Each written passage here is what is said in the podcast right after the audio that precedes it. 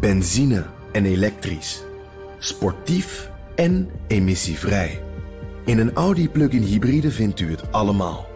Ervaar de A6, Q5, Q7 en Q8 standaard met quattro vierwielaandrijving.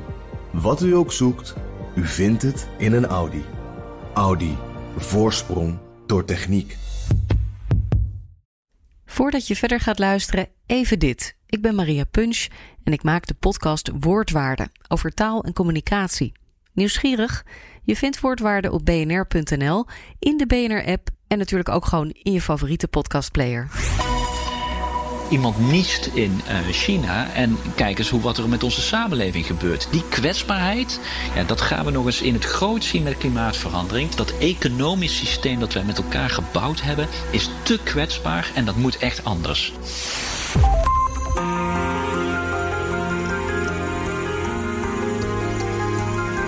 Je luistert naar De Stratege, een podcast van BNR in samenwerking met het Den Haag Centrum voor Strategische Studies. Mijn naam is Paul van Liemt. The COVID-19 virus is rapidly spreading.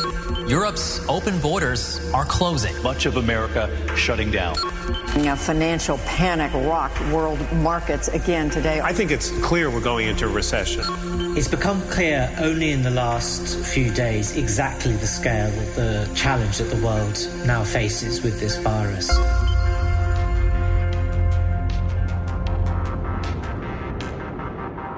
Kun je je nog herinneren dat we ons nog maar een paar maanden geleden massaal druk maakten over klimaatverandering? Hier in Europa verschijnt vandaag een dik rapport van het Europees Milieuagentschap en dat luidt de noodklok. Het lijkt alweer bijna vergeten door de enorme impact die de coronacrisis momenteel heeft op onze dagelijkse levens. Alle gevolgen die deze crisis heeft voor de gezondheid van mensen, voor bedrijven en voor de samenleving als geheel, ontkomen we er niet aan om dit offer met elkaar te brengen. Maar dit is juist een tijd die iets kan laten zien over wat ons te wachten staat als die klimaatverandering straks echt uit de hand loopt. Als het hand in hand gaat met onveiligheid en conflict. It is increasingly clear that climate change is not only an environmental challenge. People are profoundly affected as lives are lost, livelihoods destroyed and communities displaced. In some circumstances, climate change can even disrupt peace and security. En de huidige crisis kan ons iets leren over hoe we daarmee om moeten gaan. Dat ga je horen in deze aflevering van De Stratege van mijn gasten Tom Middendorp. Het is 2,5 jaar nadat ik commandant der strijdkrachten ben geweest, hou ik me bezig onder andere met klimaat en veiligheid, maar ook met de Europese defensiesamenwerking. En tegenwoordig in deze crisistijd ook steeds meer met crisismanagement. En Bas Eickhout. Europarlementariër voor GroenLinks al sinds 2009. Voordat ik Europarlementariër ben geworden, deed ik klimaatonderzoek. Like a fist bump as much as the next guy, but are you really suggesting that maybe handshakes should be a thing of the past in our culture? Vanaf dit moment stoppen we met handen schudden. Dus u kunt uh, voet zoenen, u kunt elleboog stoten, wat u ook wilt. Maar wij stoppen vanaf vandaag met handen schudden. There were actually a few coronavirus patients and I shook hands with everybody. Uh, you'll be pleased to know, and, and I continue to shake hands. People come up to me, they shake hands, they put their hand out. It's sort of a natural reflex, and we're all getting out of it. All of us have that problem.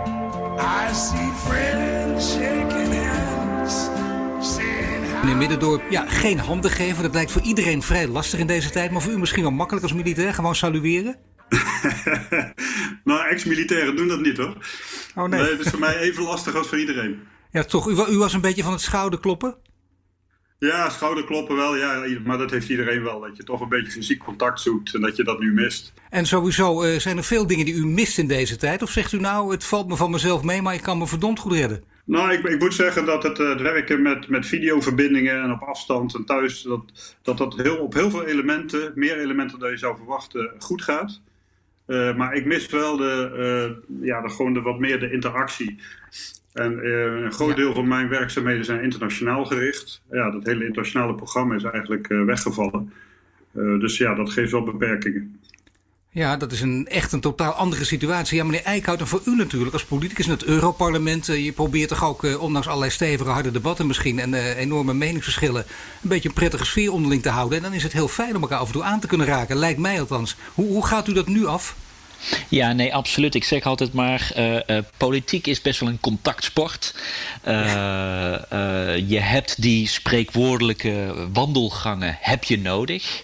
En die zijn er nu niet. Ik bedoel, ja, die zijn er nog wel, maar ieder loopt nu in zijn eigen wandelgang, zeg maar.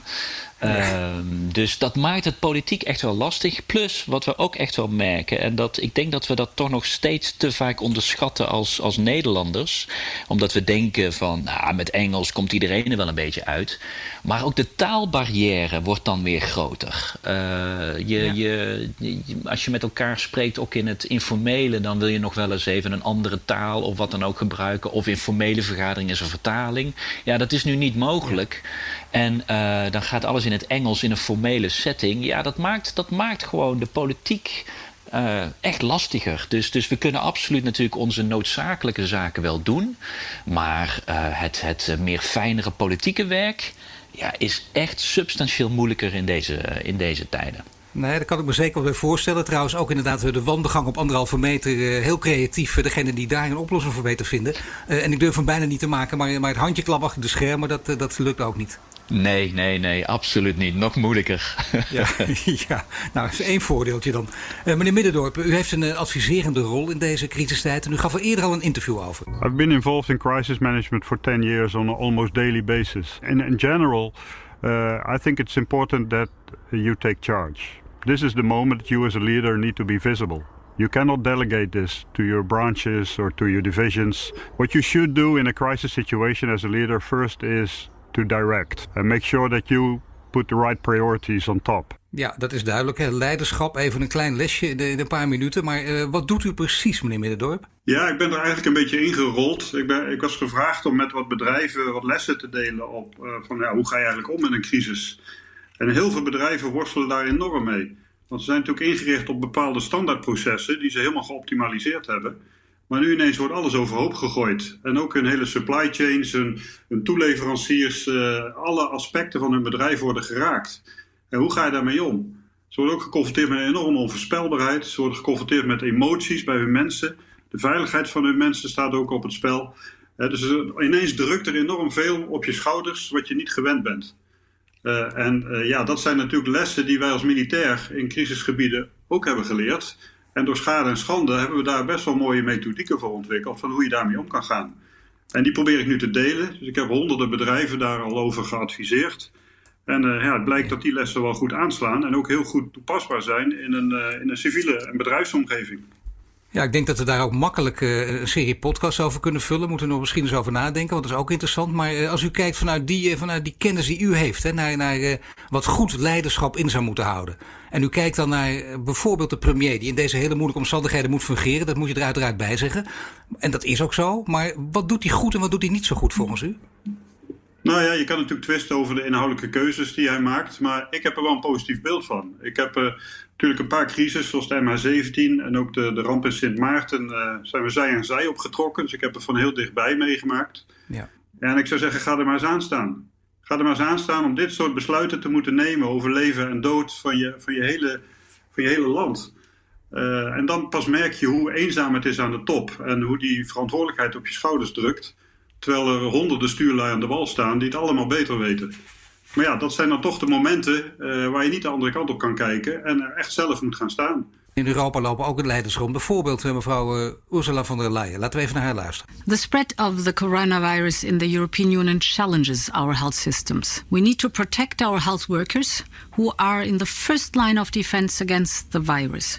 We are working with the industry to ramp up production. Second, we need to keep in the EU the protective equipment that we need.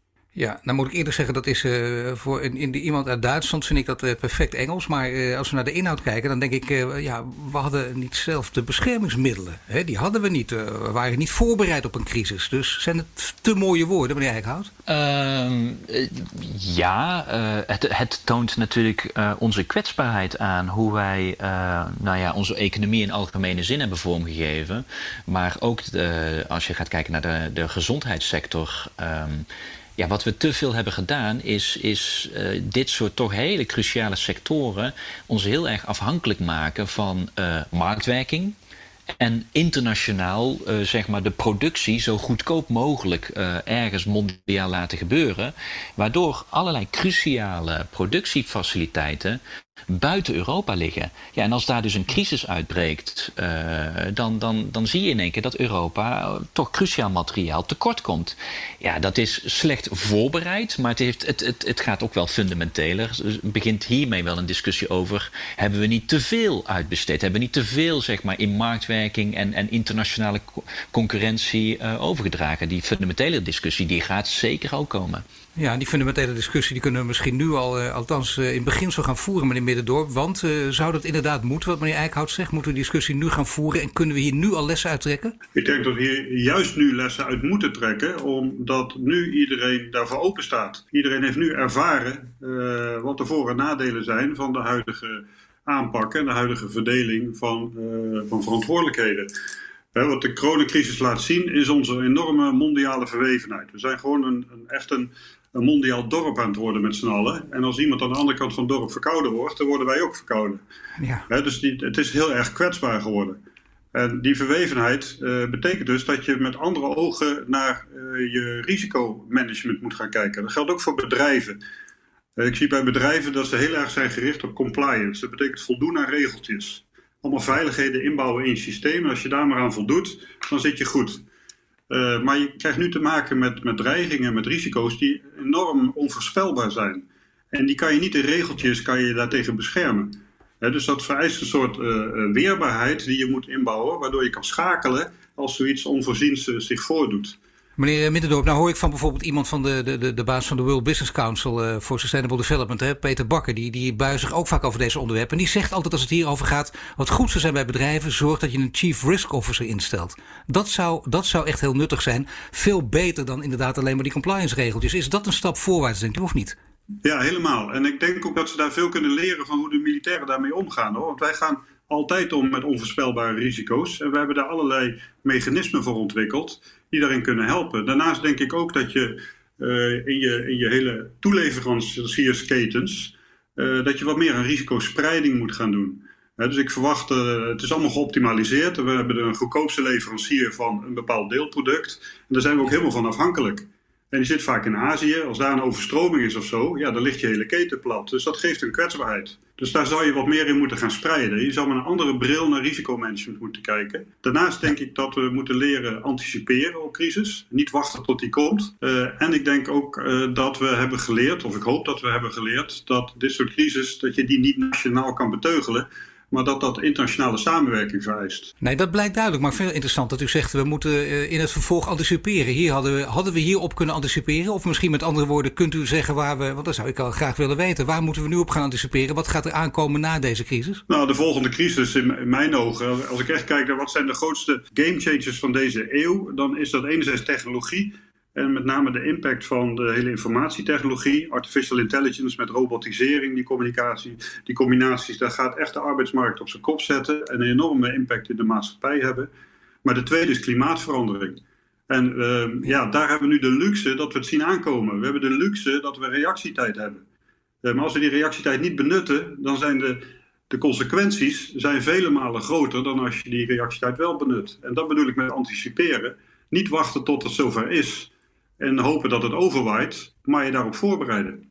Nou, dan is het een, een goede vraag, denk ik, om met, met u beiden te bespreken. Wat zijn de parallellen tussen de huidige crisis en de klimaatcrisis? Want er zijn genoeg mensen die ze in ieder geval nu al zien. I think there are a lot of similarities between the coronavirus crisis and the climate crisis. In a sense, the climate crisis is the is, is the virus in slow motion. But you know, both areas where you know there's, there's been long warning signals that this sort of event is going to happen. Both seem to appear out of nowhere, but actually they're immensely predictable and predicted. And in both cases, you know, if you don't listen to scientists and the academic community, you're going to be in trouble. Ja, dat is uh, Cameron Hepburn, dat is hoogleraar Economie en Milieu aan de Universiteit van Oxford. Ja, ik moet zeggen, hij heeft goed naar u geluisterd, meneer Middendorp, of omgekeerd. Daar wil ik nu geen discussie over voeren, maar dit is het. Hè. Dit staat ons te wachten. Een klein voorproefje van wat ons met de klimaatcrisis te wachten staat. Dat zegt u ook. Uh, waarom moet je dat zo aan, aan, aan de huidige crisis koppelen? Waarom is dat zo nuttig? Nou, omdat het veel vergelijkbare karakteristieken heeft. De huidige uh, crisis laat ook zien hoe het hoe, ja, hoe een virus een mondiaal effect kan hebben. Hoe het alle maatschappijen in de wereld raakt. Hoe het, is een paspoortloos probleem. En dat geldt voor klimaatverandering ook. dus nationale grenzen helpen niet om je te beschermen daartegen. Dat moet je echt in internationale context aanpassen. aanpakken. En uh, daarnaast is het natuurlijk zo dat klimaatverandering eigenlijk een veel grotere impact gaat hebben dan de huidige coronacrisis. Klimaatverandering is ook onomkeerbaar. Een coronacrisis, daar, ja, we gaan een virus uitvinden of een, uh, een, een medicatie uitvinden daartegen. en dan zijn we weer beschermd, kunnen we weer terug naar hoe het vroeger was. Maar dat is met klimaatverandering niet. Het gaat echt veranderen en we zullen ons moeten aanpassen. En die veranderingen die worden steeds groter naarlang we minder doen. Ja, ik vind het mooi als ik u zo hoor praten. Dan eh, echt eh, de oud-commandant der strijdkrachten, die, die echt met, met, met, met vuur en gedrevenheid praat over het klimaat, over klimaatverandering en over hoe je uh, de, de, komende jaren deze crisis die mogelijk gaat komen moet aanpakken. Maar ja, mensen zullen ook denken, wat is dit nou? U werd vroeger ook al de groene generaal genoemd, maar ja, zich u zo hard maken voor het klimaat. hoe, hoe kan dat? Werd er niet raar tegen aangekeken? Nou, in eerste instantie zeker. Toen ik nog in functie was, gaf dat wel een discussie en ook een heftig Kamerdebat. De heer Knops namens het CDA. Ja, voorzitter, ik was uh, nogal verbaasd, eerlijk gezegd, door dit uh, interview. Omdat ik uh, deze minister van Defensie nooit zo stellig heb horen beweren dat alle oorzaken van conflicten veroorzaakt worden door klimaat. We hebben steeds meer generaals die interviews geven, maar is dit nu echt de opvatting van de minister? Maar we hebben ook de radicale ideologieën die onderwerping willen van het hele Westen aan hun eigen ideeën. Daar hoor ik de minister nu niet over, daar hoor ik de generaal nu ook niet over. En uh, allerlei bijnamen, zoals de Groene Generaal. Wat ik dan ja. maar als een compliment opvat. Ja. Uh, maar uh, het leuke is dat als ik naar de militairen ga. dat die dat absoluut niet ter discussie stellen. Die zien, die zien het belang hiervan. dus als militair hebben we gewoon ondervonden, ook in crisisgebieden. hoe belangrijk het is om niet alleen de symptomen te bestrijden. maar ook naar de oorzaken te kijken. En we hebben gewoon gezien wat een impact watertekorten bijvoorbeeld kunnen hebben op lokale bevolking. Wat voor spanningen dat kan creëren. Dus heel veel crisis ontstaan door dit soort fundamentele oorzaken. Uh, dus ik vind het veel belangrijker dat we gaan voorkomen dat die oorzaken nog verder gaan verslechteren. Dit punt begrijp ik van u en zo gezien snap ik ook dat militairen hier helemaal niet verbaasd over zijn. Maar ik kan me ook een beetje voorstellen dat die hoek af en toe de kritiek komt: uh, waarom moet je als militair activistisch zijn? Ik heb een heel ander vak en daar hoort het juist niet bij. Dat moet je van elkaar gescheiden houden. Wat zegt u dan? Nou, dat klimaatverandering geen milieuonderwerp is. Vroeger had je Clemenceau, die, die Franse staatsman. En, die, en die zei ooit: uh, oorlog is te belangrijk om aan generaals over te laten. Ja. Ik zou zeggen: klimaatverandering is te belangrijk om aan de klimaatministers over te laten. Dit is echt een probleem dat alle sectoren van de, de samenleving raakt, ook de veiligheidssector. En dat is dus ook waarom ik nu wereldwijd die kracht aan het mobiliseren ben om ook te zorgen dat de veiligheidssector zijn verantwoordelijkheid op dit vlak gaat nemen. Nee, zeker. Het lijkt ook een zeer logisch verhaal en je begrijpt de samenhang. Maar toch, maar toch, maar toch, meneer Eickhout, begrijpt u ook deze manier van kijken van meneer Middendorp? Of zegt u van nou, vanuit zijn positie vind ik het af en toe wel, kijk af en toe met gefronste wenkbrauwen naar? Nee, ik denk dat het u zou verbazen als ik dat zou doen. Nou, nee, ja, ik ben, dat zou kunnen. nee, ik ben, ik ben juist heel erg blij met uh, iemand als uh, Tom Middendoop... die ook laat zien dat inderdaad klimaatverandering niet, niet uh, slechts een milieuonderwerp is. Ik denk dat we het hier hebben over een nou ja, fundamentele bedreiging... van onze huidige economie en samenleving. Maar dat de oplossingen ook daar zijn... en dat we het dus echt wel kunnen oplossen... maar dat we daar actie voor moeten ondernemen. En zoals al eerder werd gezegd, de coronacrisis, daar waren we soms al aan het worstelen met dat een maatregel pas twee weken later effect heeft. Nou ja, met klimaatverandering gaat er jaren overheen. Dus als we, als we bij de coronacrisis al met maatregelen zitten soms te worstelen, hè, dat laat even zien hoe complexer nog het klimaatprobleem is.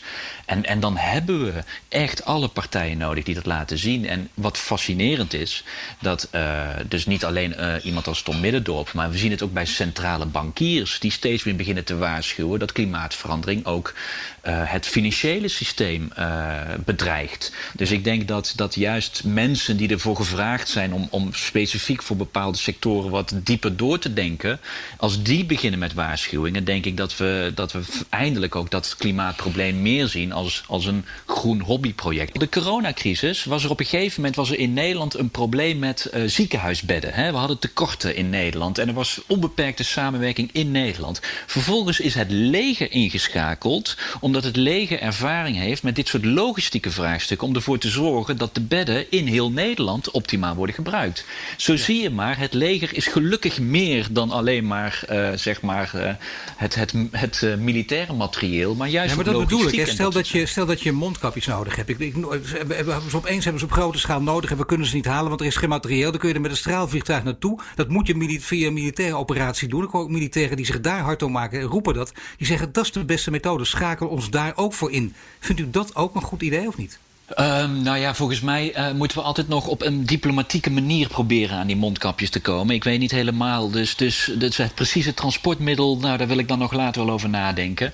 Uh, maar volgens mij, wat, wat hier vooral uh, meer laat zien, is dat het leger uitermate goed is, ook juist in de logistiek en in zorgen de, de volgtijdelijkheid van acties, om die uit te zetten. En wat de heer Middendorp zei, het leger ziet natuurlijk in gebieden van onrust en instabiliteit welke achtergronden dat heeft.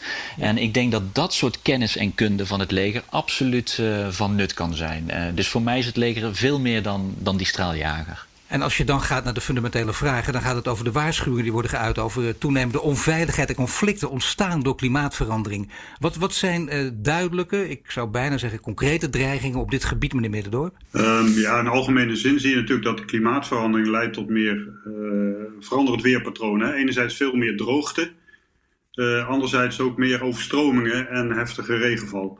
Dus de regenpatronen veranderen ook. En die twee uh, natuurverschijnselen die aan het veranderen zijn, hebben een grote impact. Want daardoor worden eigenlijk steeds grotere delen van de aarde onbewoonbaar uh, en onvruchtbaar. Je ziet de woestijnen oprukken in Afrika. Je ziet de, de, grenzen van be, bebouwbare aarde, die zie je naar het noorden en zuiden verschuiven richting de polen. He, dus uh, wat we nog kunnen gebruiken voor, uh, voor voedselproductie, dat wordt eigenlijk steeds beperkter. Uh, en dat leidt dus tot grotere twee zijn aan elkaar verbonden. En dat leidt weer tot spanningen. Er worden gewoon honderden miljoenen mensen, is de verwachting van de VN en andere instanties, worden weggedreven uit hun woongebieden. Die gaan migreren naar de steden toe. In de steden vinden ze geen werk. Die moeten wel hun gezin onderhouden, dus die gaan andere keuzes maken. Uh, en ik heb gewoon gezien, ook in Somalië bijvoorbeeld, hoe, hoe boeren en herders die, uh, die nergens meer naartoe konden, in de handen kwamen van uh, Al-Shabaab of in de handen van georganiseerde criminaliteit of piraat werden op zee. en daar gaan wij ons dan weer tegen beschermen, maar in feite zijn we dan die symptomen aan het bestrijden. Maar de oorzaak zit dus hier ook weer veel dieper. Ja, dat betekent dus ook, u heeft het in het verleden gezien, het is nu gaande, maar er zijn ook dreigingen die er aankomen. En dreigingen die er aankomen, daarvan denken mensen altijd, ik wil wel weten op wat voor termijn. Je kunt het nooit precies zien, maar hebben we het dan over 20, 30 jaar, want het toch een langzaam, dat is ook nog snel in, in, in, in wereld- en historisch perspectief, maar gaat het over dat soort termijnen, decennia, of kan dat gewoon volgend jaar ook al gebeuren? Kan er ergens iets uitbreken, denkt u? Nou, het gebeurt nu al. Je ziet nu al dat het spanningen geeft. Ook waar we in uh, de missie in Mali mee bezig zijn, in Somalië noemde ik net. Ja. Dat heeft hier wel mee te maken. En daar staat klimaatverandering niet op zich. Je moet het ook in relatie zien tot de bevolkingsgroei. Onze wereldbevolking gaat groeien van 6,5 miljard naar 10, 11 miljard deze eeuw. Dus dat is anderhalf tot twee keer zoveel mensen komen er. Die allemaal eten en drinken nodig hebben, terwijl we nu al tekorten hebben. Dus als je die twee bij elkaar gaat optellen, dan staan we echt voor een uitdaging van ongekende schaal. we hebben gewoon te weinig water, te weinig eten om al die mensen in, uh, te kunnen voorzien daarvan. Uh, en dat gaat gewoon enorme spanningen opgeven. Er zijn oorlogen gevoerd over olieveiligheid en over energieveiligheid. In de toekomst verwacht ik oorlogen over water- en voedselveiligheid. Ja, want voedsel inderdaad. Hè, pas ook een paar internationale rapporten die, die, die met harde cijfers aangaven. 820 miljoen mensen de wereld. Dat zijn nogal wat die, die gewoon met een hongerig gevoel naar bed gaan. Dus ik bedoel, dat is en die, die gewoon niet te, hebben kunnen eten. Die hebben moeten eten. Dus dat, dat is nogal wat. Maar wat kan de krijgsmacht en misschien beter nog wil de krijgsmacht hier een grote rol in spelen? Maar of bent u zelf een roepen in de woestijn? Nou, ik denk, uh, je kan dit niet loszien van andere problemen die ook ontstaan. Hè? Wij krijgen ook de problematiek van de overstromingen zeespiegelstijging. Twee derde van alle mensen woont in bevolkte gebieden, woont in steden en dorpen en die liggen vaak aan de kusten en rivieren. Dus ook die krijgen te maken met de impact van klimaatverandering. En ook daar ga je dus migratiestromen zien. Ga je zien dat mensen moeten gaan verschuiven naar veilige gronden. Uh, daarnaast zie je het hele Arktisch gebied wegsmelten, wat een nieuwe geopolitieke arena opent. Dus je krijgt verschillende veiligheidsdimensies waar we indringender mee geconfronteerd gaan worden. Ja, wat kan Defensie daaraan doen? Ik denk Defensie in de eerste instantie uh, moet meehelpen het probleem te voorkomen. In die zin dat ze moeten bijdragen ook aan de emissiereductie. Uh, dat klinkt misschien raar, maar Defensie is de, de grootste uh, fossiele brandstoffengebruiker van ieder land. dus ze hebben wel een bepaalde verantwoordelijkheid als het gaat om het terugdringen van die reductie van die emissie. daarnaast denk ik dat Defensie veel kan betekenen in het anticiperen op crisis. We hebben grote inlichtingendiensten in alle landen die ook kijken naar die fragiele staten. Uh, nou, kijk daar ook eens met die bril naar. Als je onderkent dat klimaatverandering een bron van conflicten is, dan moet je dat meenemen in je analyses. En daarmee kan je dus helpen uh, voorspellen uh, waar migratiestromen gaan ontstaan, waar spanningen gaan ontstaan, waar extremisme kan gaan opbloeien. en daarnaast denk ik dat Defensie ook een rol heeft in de responsfase. En dat je veel meer civiel-militaire samenwerkingsmechanismen gaat krijgen om de effecten van klimaatverandering te beteugelen. Maar u denkt, het is, het is geen wensdenken. U, u, u, ziet om u heen, u merkt ook, u kent, u kent de krijgsmacht erg goed. Uh, dat men ook bereid is in grote getalen hieraan mee te doen? Ja, uh, tot nu toe staat klimaat eigenlijk niet of nauwelijks op de agenda. Als je naar de defensienota's kijkt van de afgelopen jaren, dan wordt het klimaatwoord uh, niet, eigenlijk nauwelijks genoemd. Ik heb vijf en een half jaar in militaire commissies gezeten van de NAVO en de EU. En het woord klimaat is daar nooit gevallen dus voor militairen was tot nu toe uh, klimaatverandering een thema wat bij andere ministeries hoorde en niet bij hun. Uh, maar nu wordt die verwevenheid voor iedereen wel voelbaarder. En nu zie ik, zowel bij de NAVO als de EU, dat men ook vanuit het veiligheidsperspectief dat meer wil gaan oppassen, pakken. Dus ik zie de bereidheid om vanuit de veiligheidssector bij te dragen, zie ik groeien vanuit alle sectoren dus bijdragen. Dat zal inderdaad meneer Eikel als muziek in de oren klinken. Maar hoe belangrijk het is dat de krijgsmacht hierin meegaat, misschien zelfs in voorgaat? Nou ja, kijk, eh, volgens mij uh, zou de krijgsmacht er niet in, in voor moeten gaan. Uh, niet, niet, dat ik het niet zou, hè, dat ik zeg, doe dat niet. Ik bedoel, iedereen die vooruit wil, graag. Maar ja, ja, kijk, u spreekt met een politicus, dus ik, ik kijk er natuurlijk ook met een politieke bril naar. Zeker. En dan zie ik natuurlijk een grote verantwoordelijkheid voor de politiek. Ik bedoel, uiteindelijk zal in elke sector uh, zal er beweging moeten zijn. En de heer Middendorp heeft absoluut gelijk dat uh, ook de, de, de, de, de defensiesector nou, heeft een eigen verantwoordelijkheid, maar kan ook, kan ook van dienst zijn, daar waar nodig. Uh, maar, maar uiteindelijk moeten de eerste stappen natuurlijk door de politiek gezet worden. Van hoe, welke doelen willen we halen? Hoe gaan we ervoor zorgen dat nou, in ons hele marktmechanisme ook de juiste prikkels komen? Dat zijn hele belangrijke politieke vraagstukken die gezet moeten worden, zodat al die sectoren die stappen willen zetten, daar ook makkelijker in kunnen uh, functioneren. En in die zin, voor mij blijft toch een vergrote verantwoordelijkheid voor de politiek. Ja. Maar dat daar dan vervolgens een aantal sectoren heel erg in meegaan en dat ze een aantal stemmen in belangrijke sectoren een stem zelfs extra willen laten horen om voorop te gaan. Heel graag, maar ja, de, de politieke verantwoordelijkheid kunnen we niet even wegpoetsen. Nee, dat is duidelijk. En de vraag is nu wel of we na deze coronacrisis gewoon weer doorgaan met die behoorlijk ambitieuze groene ambities die er waren. When this is all over, will we just return to this? As the next COP climate conference is postponed and governments around the world try and resuscitate their flailing economies, there's a fear the environment, the other global crisis, will once again fall victim. Ja, kijk, dit is wel een punt. Hè. We zitten nu natuurlijk midden in deze coronacrisis. Uh, alle sectoren schreeuwen moord en brand. Iedereen heeft natuurlijk iets te eisen, begrijpelijk ook. Iedereen is onzeker op alle gebieden. En dan over groene ambities gaan praten. Lopen die groene ambities gevaar door de coronacrisis, meneer Eickhout? Um, het loopt in ieder geval vertraging op. Uh, en dat is, dat is uh, helaas niet te vermijden.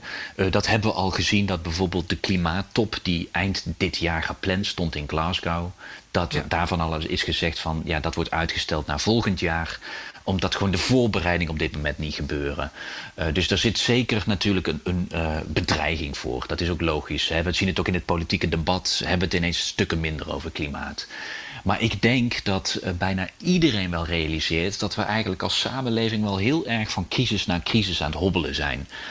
De, eigenlijk is de eurocrisis en de vorige economische crisis nog maar net hersteld. En veel bedrijven hebben zich nog maar net een beetje hersteld van die vorige crisis en krijgen nu de volgende klap. Uh, en in Zuid-Europese landen is dat nog eens vele malen erger.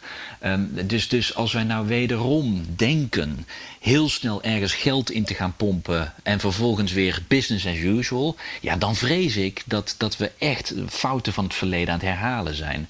En in die zin moeten we politiek nu wel die discussie voeren over hoe gaan we nou uit deze crisis komen en ervoor zorgen dat die nieuwe economie die we proberen op te starten, dat die veel beter in staat is om zich te wapenen tegen klimaatverandering en veel minder impact heeft op klimaatverandering. Als we dit niet op een slimme manier doen, ja, dan, dan, dan, dan hebben wij straks echt weer een grotere crisis te verwerken. Dus vindt uw partij ook hè, dat je dus die, die Europese Green Deal, dat je die centraal stelt in een herstelplan voor na de coronacrisis, dat je dat dus nadrukkelijk met elkaar verbindt? Ja, wat mij betreft moet dat nadrukkelijk met elkaar verbonden worden. We hebben natuurlijk de eerste nood, is gewoon bedrijven die bijna failliet gaan, die moeten geholpen worden. Dat zijn nu de eerste noodpakketten. Nou, dat snapt iedereen dat dat heel snel moet gebeuren. Dat, dat, die stap hebben we nu gezet, maar dan gaat nu het volgende debat komen. Hoe gaan we ervoor zorgen dat we de economie weer uit, uit zijn recessie krijgen? En dat is een iets langere termijn agenda. Ja, dan moet je die crisis echt aanpakken door op een, met een Green Deal uit die crisis te komen. Als we dat niet met elkaar weten te verbinden, hebben wij, lopen we straks zo weer in de volgende crisis. Ja, is dat voor u ook cruciaal, meneer Middendorp, deze verbinding? Ja, ik zie dat er nu enorme herstelplannen worden uh, opgesteld. Dat gaat over honderden miljarden. Er zijn megabedragen die dus ook leiden tot herprioriteringen. Uh, en ik denk dat we die gewoon heel slim moeten invullen. Dat het niet alleen gaat om het het ledigen van een huidig probleem, maar dat je dat op een dusdanige manier uh, dat probleem oplost, uh, dat je daarmee ook een toekomstgerichte agenda kan invullen. dus ik zou daar wel voorwaarden aan koppelen, die ook de bedrijven die hier gebruik van gaan maken in een bepaalde richting dwingen, zodat je ook voorbereid bent op de volgende crisis die mogelijk gaat komen. Als je dat allemaal los van elkaar gaat zien, uh, ja, dan ga je stapelen. Dan, ga je ook, dan, ga, dan gaan ook de kosten stapelen. Dus ik zou het vooral koppelen aan toekomstgerichte doelstellingen.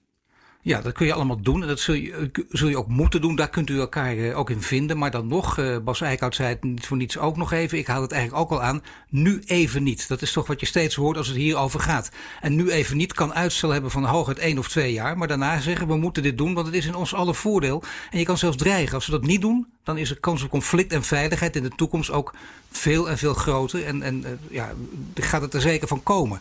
Kun je die laatste dreiging, is die ook reëel dan, meneer Eickhout? Of is het alleen maar bangmakerij? Nee, ik denk dat het, dat het uitermate reëel is. Uh, we, hebben, we hebben natuurlijk ook al, en ook hier, hè, als we mogen leren van de coronacrisis, is dat we in de coronacrisis erg naar wetenschappers hebben geluisterd. Nou, dat zou ik bij klimaatverandering ook toch nog iets meer willen aanraden. En ja, de laatste wetenschappelijke rapporten hebben al heel vaak gezegd van jongens, willen je echt die gevaarlijke opwarming van, van de aarde voorkomen, dan hebben wij nou ja, dan hebben wij vijf tot tien jaar. Dit is wel het moment dat die economie hervormd moet worden. Nou ja, nu zitten wij dus in een nieuwe economische crisis. Als wij nu niet op een slimme, innovatieve en groene manier uit deze crisis komen, ja, dan, dan kan je wel echt stellen dat wij, dat wij echt het, uh, het klimaatprobleem uh, over ons heen gaan krijgen. En dat is geen bangmakerij, dat zeggen nou juist wetenschappers. En laten we nou deze crisis van corona ook gebruiken om wat iets meer weer naar de wetenschappers te luisteren. Laten we tot slot uh, met, met u beiden ook nog hebben over crisismanagement. Want daar gaat het over, dan, dan wordt het echt nijpend. Want op wat voor manier kan, kan Nederland zich specifiek voorbereiden op de onveiligheid? Met name dan de onveiligheid die door klimaatverandering zal ontstaan. Uh, met andere woorden, zijn daar bijvoorbeeld draaiboeken voor? Of moeten we dat anders doen, meneer Middendorp? Nou, wat denk ik al goed gebeurt, is dat we een uh, Delta-commissaris hebben aangewezen. Die gaat kijken naar de, uh, de weerbaarheidsplannen van onze uh, zeggen, landelijke bescherming tegen de zeespiegelstijging. dus dat we daar wel goed anticiperen.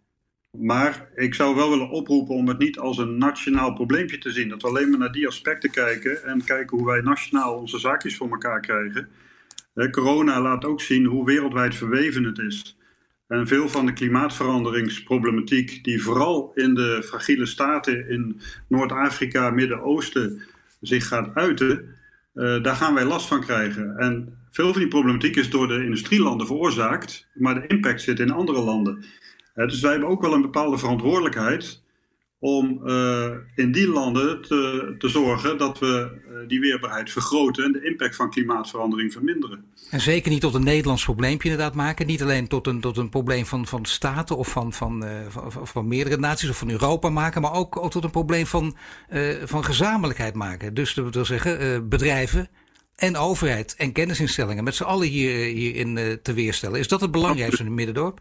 Ja, zeker. En ik noem dat zelf ook uh, een soort ecosysteembenadering. waarbij je dus de krachten bundelt, niet alleen binnen de overheid van verschillende ministeries, maar ook van, met bedrijven, met universiteiten, met kennisinstituten. en allemaal brengen ze wat kennis bij elkaar of middelen bij elkaar om dat te doen.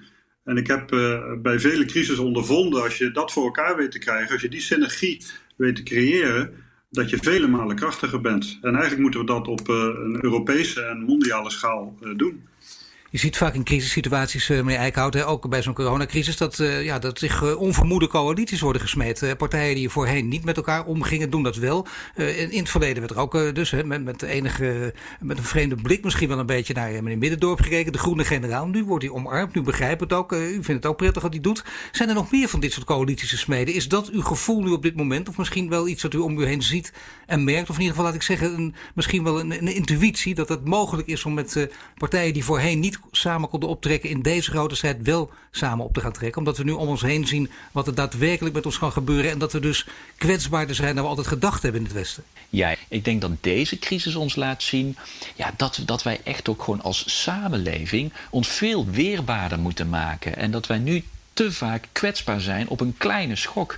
de heer Middendorp zei het ook. Iemand, wordt, iemand niest in uh, China. En kijk eens hoe, wat er met onze samenleving gebeurt. Die kwetsbaarheid, ja, dat gaan we nog eens in het groot zien met klimaatverandering. Dus ik heb ook wel het gevoel dat in de publieke opinie men wel inziet dat economisch systeem dat wij met elkaar gebouwd hebben, is te kwetsbaar en dat moet echt anders. Ik dank u heren. Tom Middendorp, oud-commandant en strijdkrachten en strategisch adviseur bij Den Haag Centrum voor Strategische Studies. En Bas Eickhout, Europarlementariër voor GroenLinks. En luister vooral ook naar de andere afleveringen van De Strateeg. Bijvoorbeeld over de apps die ons moeten helpen bij het bestrijden van het coronavirus. Of over de gigantische oliecrisis die aan de gang is. Tot de volgende keer.